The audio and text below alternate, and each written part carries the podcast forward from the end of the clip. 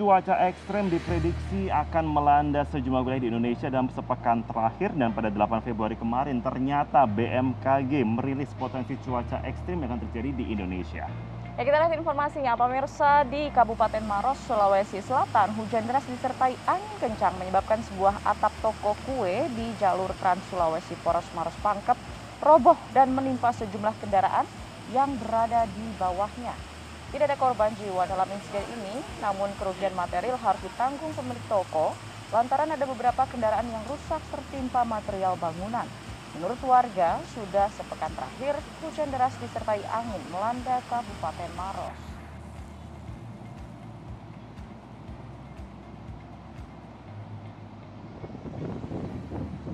Iya, sementara itu tidak hanya di Maros pemirsa, di Subang, Jawa Barat ratusan nelayan di Pantura memilih tidak melaut karena cuaca buruk. Ratusan kapal penangkap ikan milik nelayan hanya bersandar dan ditinggalkan para pemiliknya di kampung nelayan Desa Mayangan, Kecamatan Legon, Kulon, Subang. Karena tidak ada aktivitas lain, para nelayan kini hanya pasrah di mana cuaca akibat musim ataupun musim yang buruk di Pantura Subang ini sudah berlangsung selama lima hari terakhir.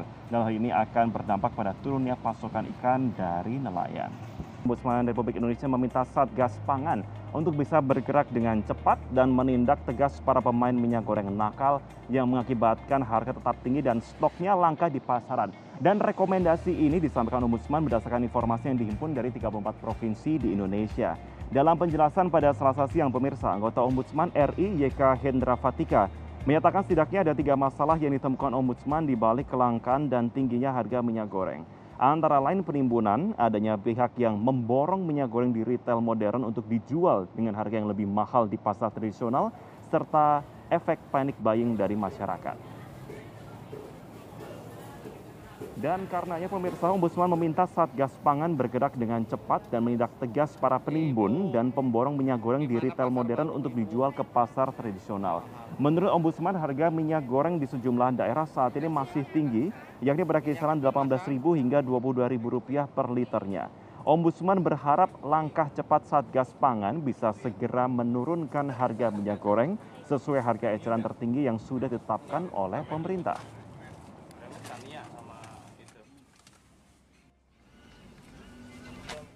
Ada tiga perilaku masyarakat juga merespon dari eh, regulasi yang diterbitkan oleh pemerintah. Yang pertama adalah penimbunan. Ini harapannya Satgas Pangan bisa bereaksi cepat. Nah, ini juga ketegasan juga diperlukan. Begitu Satgas Pangan tegas, saya yakin juga upaya-upaya untuk penimbunan bisa diminimalisir sedemikian rupa. Terus yang kedua, ada ada juga perilaku pengalihan.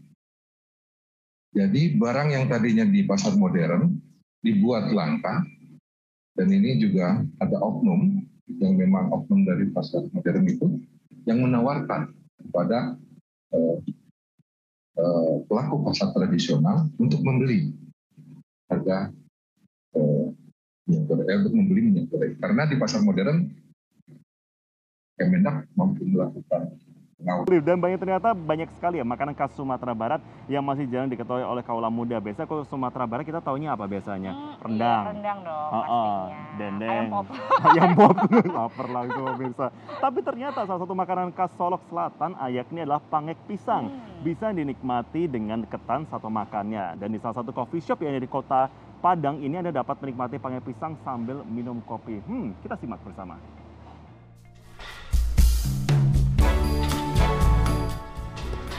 Kota Padang Anda akan menemui tempat tongkrongan anak muda yang tidak biasa.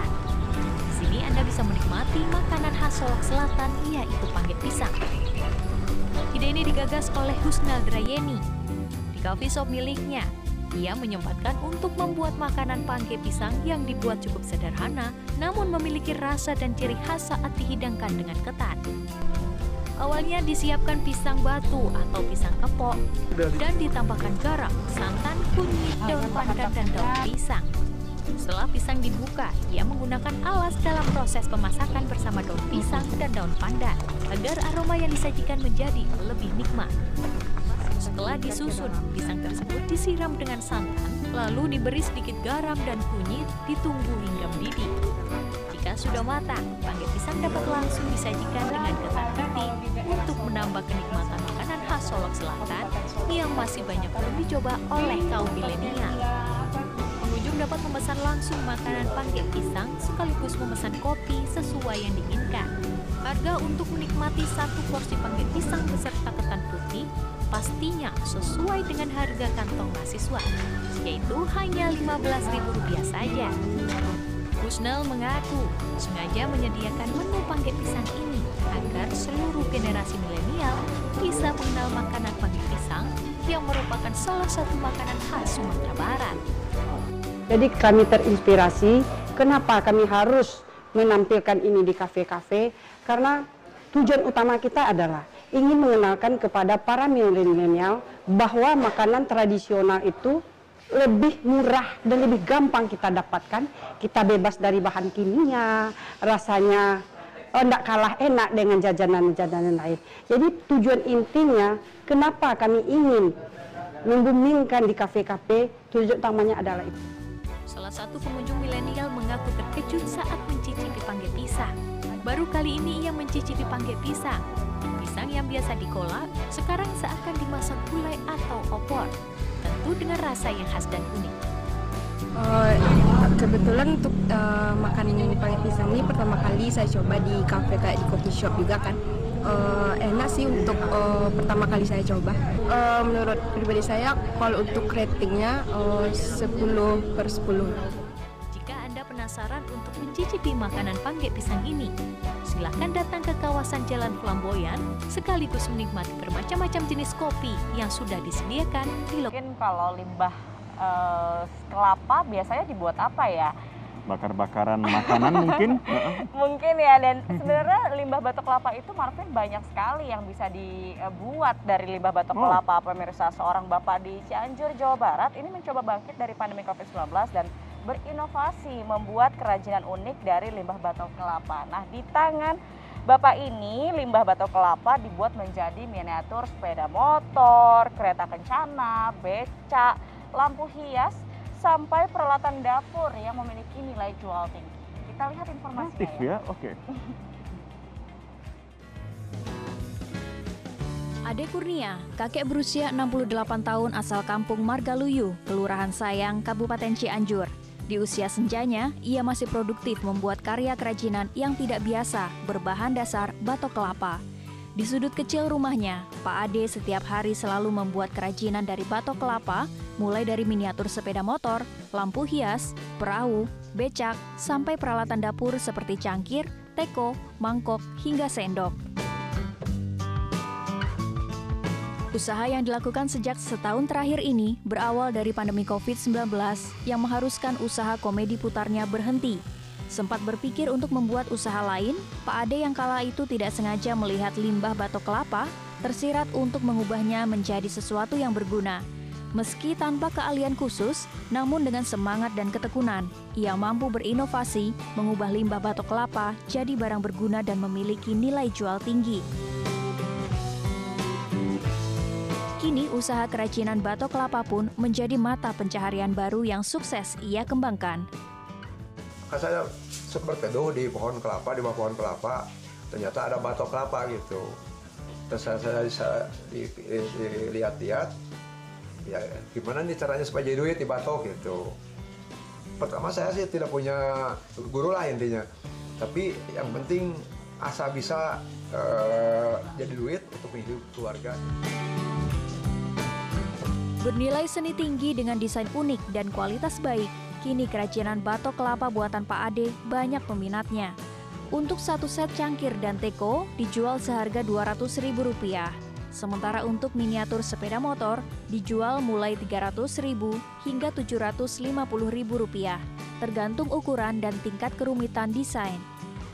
Selain itu, pembeli juga bisa memesan bentuk lain dari kerajinan batok kelapa ini sesuai keinginan. Nah, apakah Anda tertarik menggunakan peralatan rumah tangga dari bahan batok kelapa ini?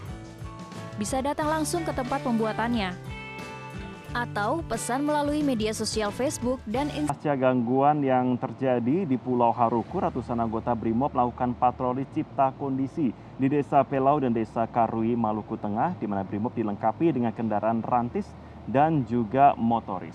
Gangguan Kamtipnas yang terjadi di Pulau Haruku, Kabupaten Maluku Tengah pada akhir Januari lalu melibatkan dua desa, yaitu Desa Karui dan Desa Ori dengan limpahan bentrokan ke Desa Pelau. Sebelum gangguan keamanan meluas, aparat gabungan TNI Polri termasuk BRIMOB langsung memberikan tindakan tegas. Situasi dan kondisi ini merupakan tantangan tersendiri bagi BRIMOB dalam menegakkan hukum serta memelihara keamanan dan ketertiban masyarakat. Betul, dan saat ini BRIMOB berupaya mendekatkan diri kepada masyarakat dan menggali segala potensi yang ada di masyarakat untuk mendeteksi dan mencegah sedini mungkin gangguan keamanan. Dan selain itu atas arahan dan Kobrimob Polri Irjen Pol Anang Revandoko, Korps Brimob Polri akan membangun dapur umum untuk membantu masyarakat yang sedang kesulitan.